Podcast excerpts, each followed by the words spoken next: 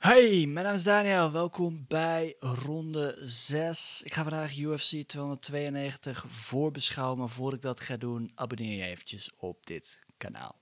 Ik ben te vinden op Apple, ik ben te vinden op Spotify. Dus ik ben eigenlijk ook nog te vinden op alle andere eh, platformen. Ik heb niet dat daar mensen luisteren, dus ik ga het ook niet eens meer, ik ga het ook niet eens meer noemen. Eh, Duke, shout-out naar Duke. Misschien dat daar ook nog wel mensen luisteren trouwens. Maar ehm, abonneer je gewoon eventjes. Daar doe je mij een plezier mee. Daar help je dit kanaal mee. Daar steun je dit kanaal zelfs mee. Want eh, ja, op die manier kan ik zien of dit de moeite waard is om eh, door te doen. Of dat mensen gewoon denken van ja, die gast loopt te lullen. Dus vandaar dat het heel belangrijk is om je te abonneren. Mocht je dit wat vinden. Oké. Eh, dan ga ik nu gewoon beginnen met de voorbeschouwing van UFC 292. Let's go.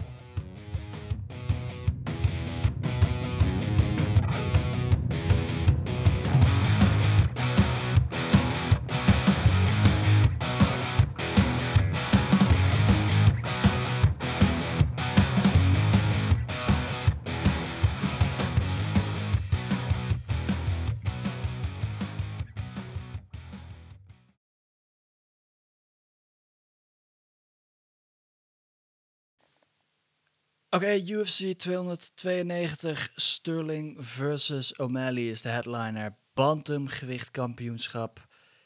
Mogelijk Sterlings laatste gevecht als kampioen, maar daar hebben we het natuurlijk in de nabeschouwing veel meer over. Vandaag gaan we het hebben over het gevecht zelf. Dus ik ga uiteraard beginnen met dit gevecht. Sterling versus O'Malley, het laatste gevecht van de avond.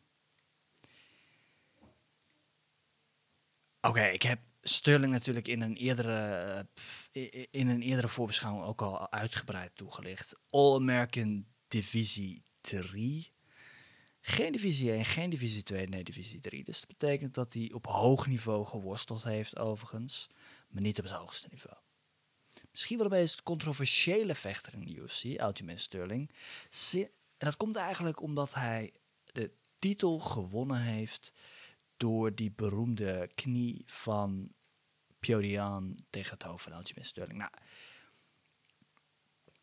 dat was de meest anticlimax, misschien wel de grootste anticlimax die ik ooit heb gezien in de UFC live. Niet live als ik was erbij, maar live als ik was het op tv aan het kijken. En het was gewoon kut.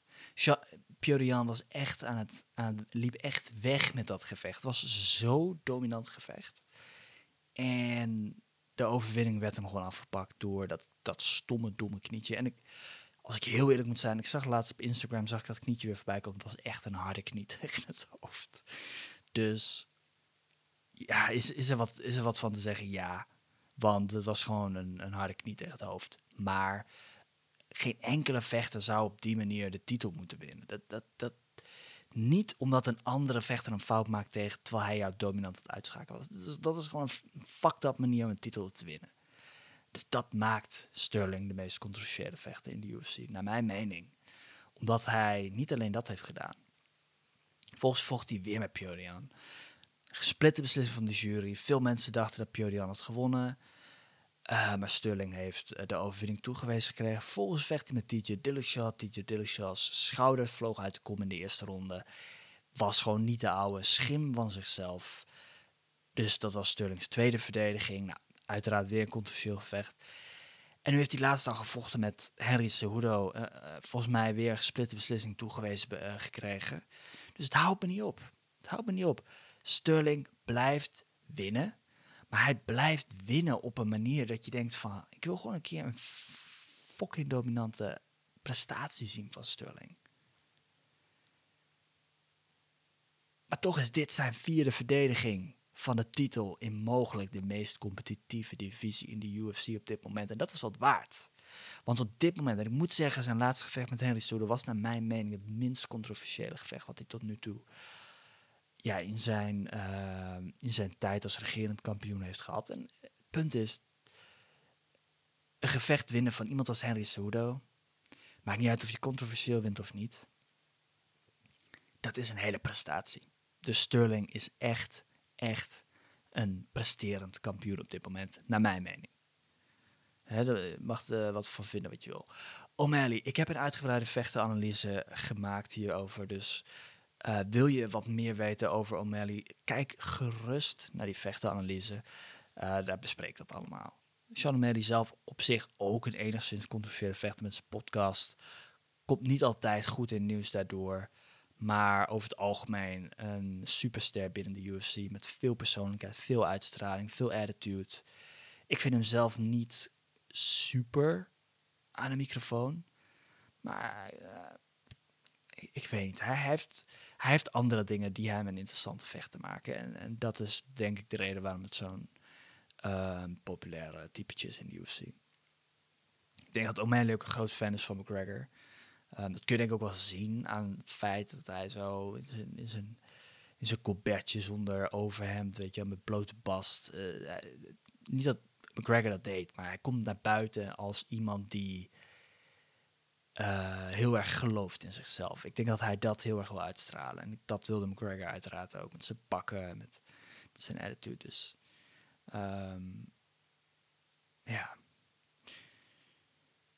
De pitch van dit gevecht, dat probeer ik altijd in de voorstelronde te doen. De pitch van dit gevecht is dat we Sterling zien tegen een specialist. Dat is de pitch die, die, ik mezelf in ieder geval wijs probeer te maken hier, om dit gevecht wat interessant te maken. Want de vorige keer dat Sterling zijn titel verdedigde, Cejudo, Dillashaw, Jan, dit zijn allemaal ronde, ronde vechters. Die zijn goed op de voeten, dynamisch op de grond. Niks over te zeggen. Maar het kan interessant zijn om Sterling nu een keer te zien tegenover een specialist. Ook al vind ik Jan beter op de voeten dan O'Malley. Maar dat heb ik ook in de vechtanalyse gezegd. Ik heb gezegd, ik, ik dacht dat Pio het vecht had gewonnen met O'Malley. Maar goed. Um, anyway, Sean O'Malley is een specialist. En uh, dat kan interessant maken. Maar goed, dat kan natuurlijk ook net zo gaan als dat gevecht met tussen uh, Sterling en Sandhagen. Waarbij Sterling en Sandhagen binnen in de eerste ronde, weet ik veel, binnen een minuut naar de grond haalde. En het gevecht was voorbij in enkele seconden. Dus dat kan ook gebeuren. Hm? Maar het kan ook een heel interessant gevecht worden op het moment dat het niet naar de grond gaat. Wat gaat er dan gebeuren? Maar goed, ik ga dat straks in de vechtanalyse nog even wat meer bespreken. Um, statistieken. Interessante statistieken. Aljamain Sterling vecht over het algemeen langer. 13 minuten en 36 seconden. Sean O'Malley vecht gemiddeld 9 minuten. Dat is een stuk korter, maar goed. Aljamain Sterling heeft veel meer vijf ronden ervaring dan Sean O'Malley. Dus dat, dat zegt me eigenlijk nog niet zo heel veel. Sean O'Malley is 1,80, Aljamain Sterling 1,70. Dat is een groot verschil in lengte natuurlijk. Het bereikt niet zo heel veel verschil. Leeftijd overigens. Aljamain Sterling is al wat aan de oudere kant voor bantamgewicht. 34. De mensen, Aljamain Sterling, 34 jaar. Het opvallende daarin is, is dat Aljamain Sterling vecht echt al lang in de UFC. Ik zal eens kijken. Zijn eerste gevecht was UFC 170. Fuck, dat was 2014. Dat is al bijna 10 jaar. Dus dat betekent dat Aljamain Sterling al in de UFC vecht vanaf zijn 24ste. Bijna. 25ste. Maar goed. Het aantal stoten geland per minuut. Hier zit een groot verschil dit is Sean O'Malley's grootste en sterkste wapen. Zijn output. Sean O'Malley landt gemiddeld 7,43 stoten per minuut. Aljamain Sterling 4,78, ook bovengemiddeld overigens. Maar Sean O'Malley echt dik, vet bovengemiddeld. Takedowns per 15 minuten. Aljamain Sterling 2, Sean O'Malley 0,45. Nou, dat zal niemand verbazen, denk ik. Uh, takedown defense 45%, 60% Sean O'Malley. Dus 45% Sterling, maar goed, wie gaat Sterling naar de grond halen? Ik bedoel, je, wilt, je wilt niet met een Brazilian Jiu-Jitsu specialist rondlopen. Dat, uh, op de grond uh, uh, zijn. Dat, dat wil je gewoon niet. Sean O'Malley iets sterker. Maar ik moet zeggen dat hij nog niet heel veel worstelspecialisten heeft bevochten. Dus ja, dat, dat, dat, percentage zegt maar op zich ook niet heel veel. De laatste vijf gevechten. Dit is interessant. Aljamain Sterling. Cejudo. Dillashaw. Jan. Jan. Sandhagen. Boom. Laten we eens de ranglijst van de bantamgewichtdivisie erbij pakken. Pyorian nummer 5, Sandhagen nummer 4, Cejudo nummer 3. Ik, ik, ja, Dillashaw staat dan niet meer in de, in de top van de bantamgewicht omdat hij natuurlijk gepensioneerd is. Maar die was destijds nummer 1 volgens mij.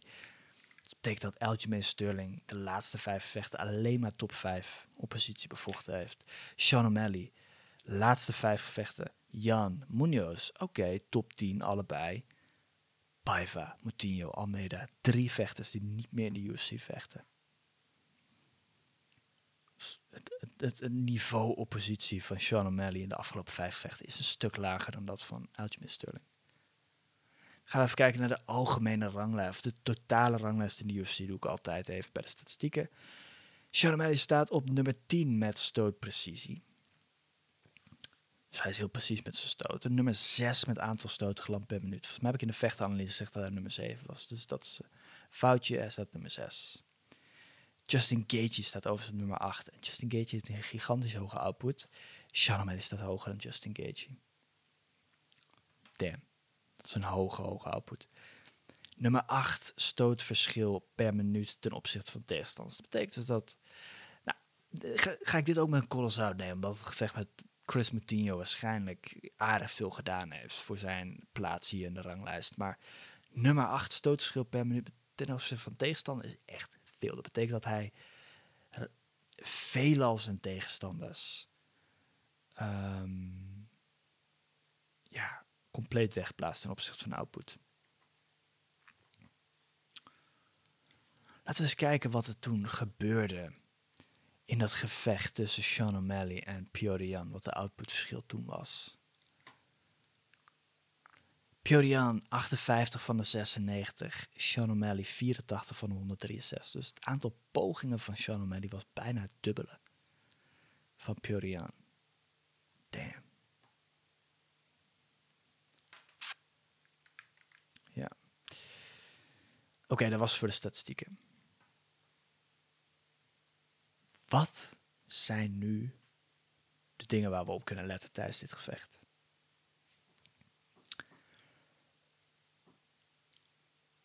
Ik denk dat we gewoon moeten starten met de vraagtekens over de vaardigheden op de grond van Sean O'Malley. Sean O'Malley, we hebben hem gewoon nog niet gezien tegenover specialists. We hebben hem gezien tegenover Piorian. Piorian is meer uh, iemand die worstelen inzet en vervolgens grondstoten probeert te landen. Niet zozeer een submissiemannetje. Dus dat is een groot verschil. Dat betekent dat Piorian iemand naar de grond haalt, hem daar moet houden en vervolgens stoten moet gaan proberen te landen. Sean O'Malley is lang. Uh, in dat gevecht kwam dat niet heel sterk naar voren volgens mij. Maar iemand als Sterling is een submissiespecialist. Die moet je moet echt gigantisch oppassen voor hem. Ik bedoel, we hebben dat gevecht allemaal gezien met tussen Sterling en Corey Sandhagen.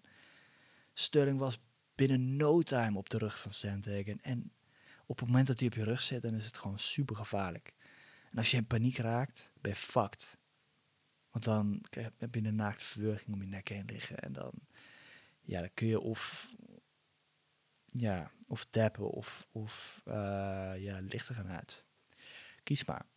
Wat zou Sean O'Malley zijn? En iemand die uh, tapt of zijn lichten uit laat gaan?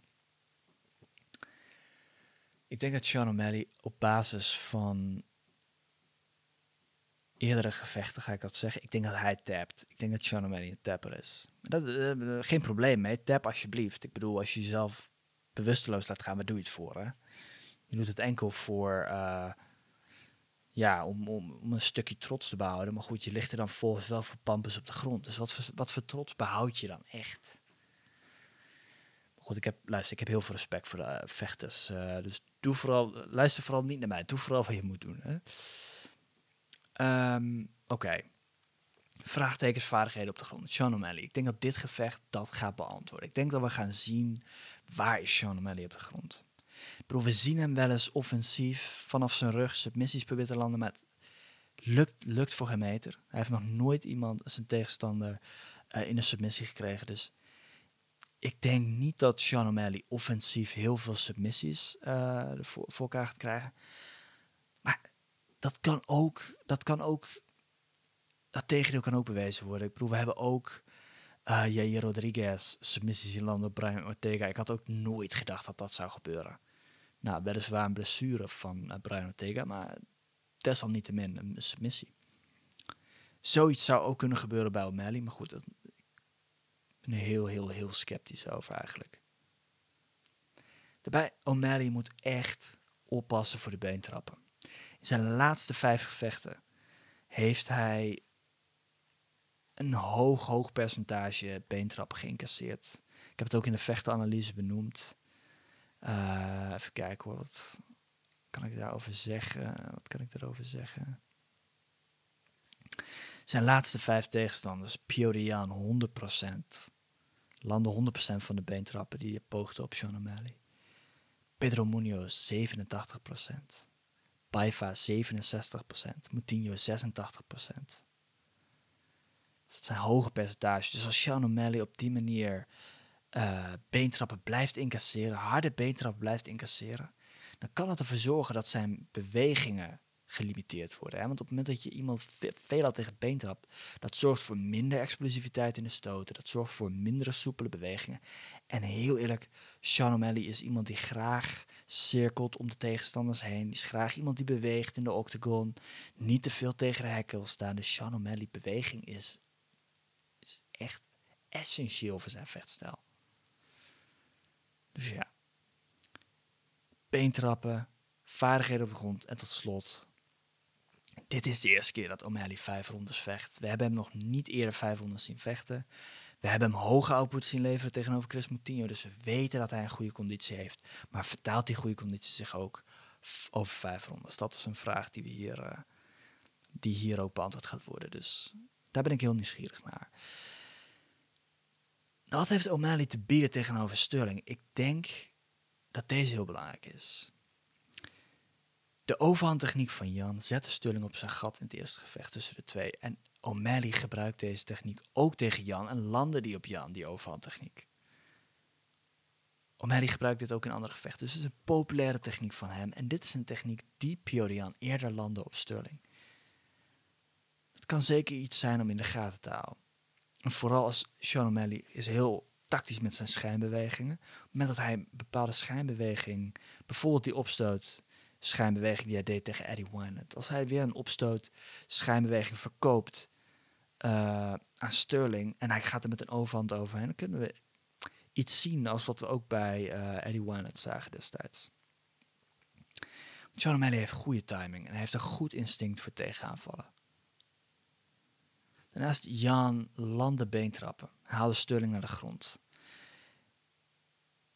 Ook bij Sterling de laatste zeven gevechten landen zijn tegenstanders gemiddeld 90% van de beentrappen. Dus ik denk, als ik heel eerlijk moet zijn, denk ik dat de beentrappen een groot onderdeel gaan zijn van Sean O'Malley's uh, plan tegen Sterling. 90% van de beentrappen landen op, op, op Sterling in zijn laatste zeven gevechten. Dat is een hoog, hoog percentage. Nog hoger dan dat van O'Malley. Dus, uh, en vele beentrappen landen ook op zijn, uh, op O'Malley van de tegenstanders. Dus de twee heren gaan, uh, gaan echt elkaars benen helemaal goed tra trappen tijdens het gevecht. Of niet, dat kan ook. Maar goed. Sterling moet ook oppassen wanneer beide vechters uit de clinchpositie breken. Dat is ook iets wat we weer hebben gezien. Dus Sterling gaat dit gevecht mogelijk tegen de, tegen de kooi willen houden, met zodat hij daar een, een been kan grijpen en, en O'Malley naar de grond kan halen. Of hij gaat het in de open kooi proberen. Maar de, het hek van de kooi kan een grote rol gaan spelen in dit gevecht. Maar op het moment dat O'Malley, en dat noemen ze het Amerikaans, ik weet even niet wat het Nederlands, die underhook krijgt. En hij weet de armen van Sterling van zich af te krijgen. En hij duwt Sterling aan de kant. En Sterling probeert uit te wijken of ja, weer afstand te nemen en de land bijvoorbeeld een trap tegen het been. Dat zijn zulke gevaarlijke posities. Dat zijn echt gevaarlijke. De clinchpositie breken, dat zijn van die momenten dat mensen vaak hun, verdediging naar beneden hebben, omdat ze denken: oké, deze clinchpositie is niet gelukt. Reset. En tijdens die reset kan er van alles gebeuren. En dat kan ook een moment zijn waarbij Sean O'Malley successen gaat boeken. Oké, slotgedachte. Ik denk dat Aljamain Sterling eh, dit gevecht gaat winnen. En nogmaals, ik ben geen Aljamain Sterling fan. Als in, ik, ik, de manier waarop hij zich gedragen heeft na het winnen van het kampioenschap vond ik niet super sympathiek. ik erken dat het een hele, hele goede vechter is. Hè? Alleen, ik, ik luister niet graag naar zijn interviews, laat ik het zo zeggen. Maar toch denk ik dat hij gaat winnen. Want als je kijkt naar het level, van, het level tegenstander die hij recentelijk uitschakeld heeft, of, of overwonnen heeft, laat het zo zeggen. Dat, dat, ik denk dat O'Malley hier. Um, ik denk dat hij hier niet. Ja, ik, het, kan me, het kan me verrassen, maar ik denk gewoon niet dat O'Malley hier, hier heel, heel goed uit gaat komen. Oké. Het ene laatste gevecht van de avond: Whaley versus Lemos strogewichtkampioenschap, vrouwelijk strogewichtkampioenschap. En als ik heel eerlijk moet zijn, als we kijken naar de strogewichtdivisie, vroeger mogelijk de beste vrouwelijke gewichtsklasse in de UFC. Op dit moment kun je een argument maken voor de vlieggewichtdivisie. Uh, en dat komt misschien wel omdat Roos Namajunas recentelijk heeft aangekondigd dat zij uh, naar de vlieggewichtdivisie gaat. En heel eerlijk, dat vertrek van Roos, dat brengt heel, heel veel goeds. Zowel voor de vlieggewichtdivisie als voor de strooggewichtdivisie. Want Weili als kampioen. Weili is misschien wel de meest vermakelijke vechter, vrouwelijke vechter in de UFC op dit moment. Ik bedoel, de laatste paar keer dat ze heeft gevochten, of ze schakelt tegenstanders uit.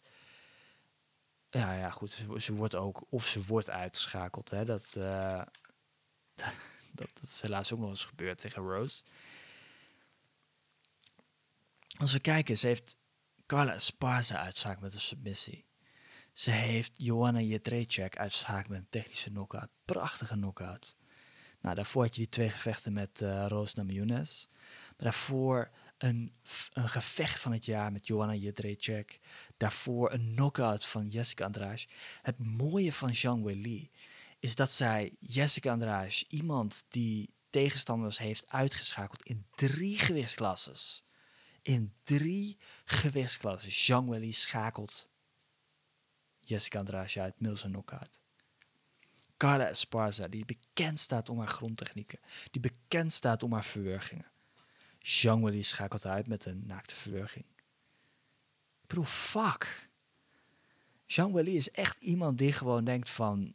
Oké, hier ben jij goed in, ik ga dit leren... en dan ga ik zorgen dat ik jou ga verslaan in in je in jouw, specie ja, in jouw, in jouw uh, specialiteit. Ik bedoel, wauw. dat, is toch dat is toch fantastisch. Dat wil je gewoon zien in een, in een, in een kampioen. Jean-Willy wordt, ik weet niet of ze inmiddels nog steeds gecoacht wordt door Cejudo, maar ze werd in ieder geval in het, vooral in het tweede gevecht uh, met Roos Namajunas, werd ze gecoacht door Cejudo, heeft ze daar een kamp gedaan, heeft ze, pardon, heeft ze naar mijn mening enorm veel uh, geleerd. Heeft ze enorm veel opgepakt van pseudo. Um, en als je ziet ook, Zhang Weili is echt een typische Chinese vechter. Volgens mij echt heel erg... Um, ja, wil ze heel erg laten zien dat ze trots is op China. Wil ze heel erg laten zien dat ze uh, een trotse Chinees is. En um, ja, maar het punt is, omdat ze zo graag geliefd wil zijn, is ze mentaal ook niet onaantastbaar. En dat hebben we gezien in dat eerste gevecht met Roos. Je, je hoorde toen het Amerikaanse publiek boeien. En Jean Willy zei achteraf, na de knockout, zei ze ook van... Ik had niet gedacht dat ik zo geboet zou worden. En dat dat, dat, dat wel wat met het deed. Dus ja, dat maakt haar nog wel een klein beetje onvoorspelbaar op mentaal gebied. Als we kijken naar, oh, als ze dan in Amerika vecht en het publiek is tegen haar, wat gebeurt er dan met haar mentaliteit en met haar, met haar, met haar vaardigheden eigenlijk? En dan hebben we Amanda Lemos. En ja, wat valt er nou te zeggen van over uh, Lemos? Is dat het een dame is die, um, naar mijn mening, ja, ik denk dat ze deze, deze kans absoluut verdiend heeft eigenlijk. Uh, en laat me even vertellen waarom. Haar eerste keer dat ze verloren heeft, dat was in de UFC. Haar eerste gevecht in de UFC tegen Leslie Smith. Ik heb dat gevecht teruggekeken. Um, dat gevecht was uh, vrij uitzonderlijk naar mijn mening. En waarom? Omdat... Ik heb het even opgeschreven hoor. Um, het eerste gevecht uh, met Leslie verloor Lemos door de constante druk en de voorwaartse beweging. Maar Lemos landde toen veel stoten. En ik wil gewoon niet... Uh, het eerste verlies, was jong, ze was onervaren. En als we kijken naar haar tweede verlies, want na haar eerste verlies heeft ze 1, 2, 3, 4, 5 gevechten achter elkaar gewonnen. Meerdere knockouts, een aantal beslissingen uh, en een submissie. Vervolgens vocht ze met Jessica Andrade. En Jessica Andrade, als je dat gevecht nog niet gezien hebt, dit is een interessante, want Jessica Andrade ging terug naar strooggewicht, um, kwam binnen, in dat gevecht met Lemos. Lemos zag er goed uit. En vervolgens landt het gevecht ergens tegen de kooi aan. En Jessica Andrade besluit op dat moment een submissie te landen die nog nooit in de geschiedenis van de UFC geland is. En dat was een staande uh, arm driehoeksverwurging. Nou, normaal moet je daarvoor liggen op de grond en een speciale positie aannemen met het lichaam en weet ik veel wat allemaal. En Jessica Andrade is zo sterk dat ze dat staand voor elkaar heeft gekregen. Nou, kan ik dat Amanda Lemos nog vergeten? Dat je gewoon in die positie niet verwacht had er zo'n submissie landt. En dat je denkt bij jezelf van ja, uh, en dan gebeurt het. En dan is het zo van, huh, wat de fuck is hier gebeurd? ik bedoel, ik was helemaal niet in een gevaarlijke positie. Ik was helemaal niet in de positie dat dit had kunnen gebeuren. Dus, dus ik geef, dat is mijn uh, nou ja, zeg ik issue, maar dat is, dat is het punt met nieuwe submissies, met unieke submissies, is dat de tegenstander zich daar eigenlijk niet op heeft kunnen voorbereiden, niet, niet tegen kunnen verdedigen. Um, dus dat, dat neemt mij nog niet helemaal weg dat Amanda Lemos gewoon wel potentie heeft. Vervolgens heeft ze gewonnen van Michelle Watterson, uh, middels een submissie. En vervolgens heeft ze Marina Rodriguez, de absolute uh, nummer 1 kandidaat voor een titelgevecht. Heeft ze toen verslagen middels een knockout. Dus ja, Lemos heeft absoluut ver, ja, verdiend dat ze hier een plekje heeft in de top van de divisie. En dat ze gaat vechten voor de titel, als ik heel eerlijk moet zijn. Met, al helemaal nu Roos Namajunas weg is. Ja, dan, ik, vind dat geen gek, geen gek kandidaat voor een titelgevecht. Dus um, Lemos staat dus tegenover Willy. Oké. Gaan we even naar de statistieken kijken. het bereik van Lemos is langer dan Jean Willy. De leeftijd van Lemos is ook ja, 36, Willy 33. Willy landt meer stoten per minuut, 5,79. Dat is bovengemiddeld. Amanda Lemos 4,51. Dus de output van Willy is hoger dan die van Lemos. Het aantal takedowns per 15 minuten. Jean Willy 1,97. Amanda Lemos 1,12. Dus Jean Willy is offensiever met worstelen. Takedown defense. Amanda Lemos heeft hogere defensieve vaardigheden op het gebied van worstelen. 81%. Jean Willy 66%.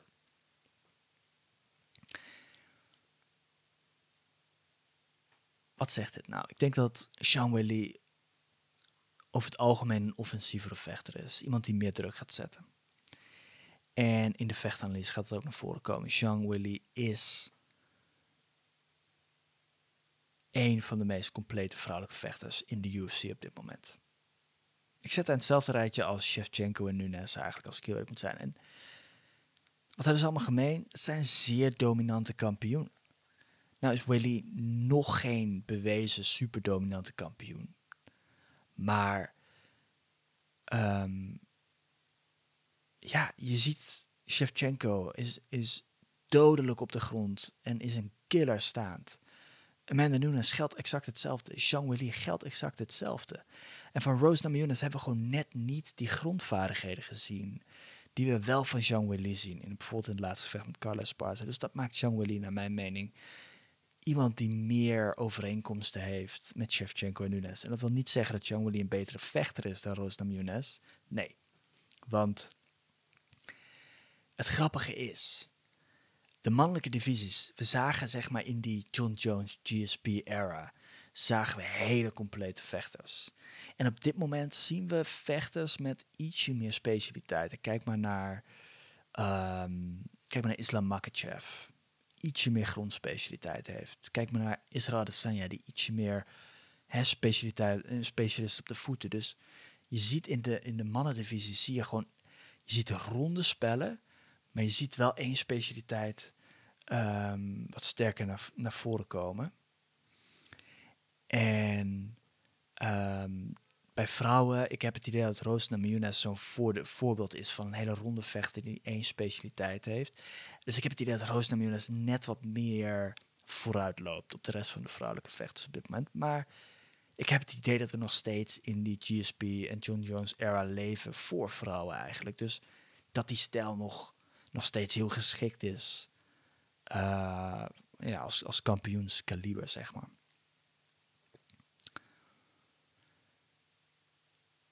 Namajunas is de enige die Zhang Weili niet onoverwinnelijk maakt. Waarom? Goed defensief en worstelen en fantastische vechters IQ op de voeten. En is dat dan ook Lemos? Ik weet het niet. Ik weet het niet. Persoonlijk, ik denk van niet. Maar goed, dat gaan we zien. Willy moet oppassen voor onvolwassen trappen en krachtige aanvallen. Dat zagen we natuurlijk ook in het eerste gevecht met Roos. Zagen we gewoon een trap. Maar goed, het was echt een prachtige trap die er door de, door de, door de beschutting van Willy heen kwam. En, en ja, waarom noem ik het überhaupt eigenlijk? Willy is een meester van de MMA basics. Dus je hebt echt iemand nodig die, die, die door die basics heen, heen, uh, heen trapt, om het zo maar te zeggen. Goed, Willy is lichtvoetig, krachtig, kan druk zetten en zit zichzelf. Uh, en dat zonder zichzelf overdreven te vermoeden. En ze heeft veel vijf ronde ervaring, daar waar dat niet echt heeft. Want Lemos staat zwaar op de voorste been, dus die beentrappen die kunnen veel effect hebben op Lemos. In het gevecht zag je, uh, met Leslie Smith zag je dus dat Lemos verloor door constante druk en voorwaartse bewegingen. Um, Lee kan dit dus methodisch inzetten. Want Melly is een druk, is een offensieve vechter, kan druk zetten. Dus misschien kan ze dat op een, uh, op een meer. Um, ja, op een meer. Op een hoger niveau die druk inzetten dan wat Leslie Smith. Leslie Smith ging gewoon voorwaarts. Die, die marcheerde gewoon voorwaarts, incasseerde aardig van stoten. Wei als zij druk gaat zetten, dan gaat zij niet al die stoten willen incasseren. Zij gaat het methodisch inzetten. Dus en dat kan ook interessant zijn voor uh, Willy. Uh, Lemos is krachtig met beentrappen. Uh, heeft tegenstanders zoals naar de grond gaat met beentrappen. Um, dus ik denk dat het to toch wel een interessant gevecht gaat worden. Maar uiteindelijk, in mijn voorspelling, ga ik toch absoluut voor Jean Willy. Ik denk dat zij hier is om te regeren. En ik denk dat het echt heel, heel lastig gaat worden om Jean Willy uit te schakelen als, als kampioen. Oké, het laatste gevecht wat ik ga voorbeschouwen is Vera versus Munoz. Chito Vera. Of Mano Vera, maar Chito is zijn bijnaam. Uh, een van mijn favoriete vechters overigens. Uh, versus Munoz. Pitch voor dit gevecht. Ik ga het even kort, want ik merk dat ik al een tijdje aan lullen ben. Ik ga het even kort, kort toelichten. Het pitch voor dit gevecht is... Vera wil terugkomen. Vera heeft had een, had een leuke reeks overwinningen op zijn naam staan. Versloeg Rob Font in een unieke, unieke, op een unieke manier. En ik was heel erg, heel erg onder de indruk van uh, Marlon Vera. Maar toen verloor hij helaas. Ik zal heel even Marlon Vera's. Toen verloor hij van Sandhagen. Volgens mij is dat zijn, ja. Dus Manavera won van Davy Grant, won van Frankie Edgar middels een, een, een, een, een, trap, een voorwaartse trap in het gezicht. Won van Rob, Rob, Rob Font in echt een prachtige masterclass in, uh, in, in, ja, in, in, een staande voetgevecht. Won van Dominic Cruz middels een, een, trap tegen het hoofd. En vervolgens verloor hij van Corey Sandhagen inmiddels een gesplitte beslissing. Nou, dat gevecht tegen Corey Sandhagen heeft hem natuurlijk uh, uh, ja, wat, wat teruggezet.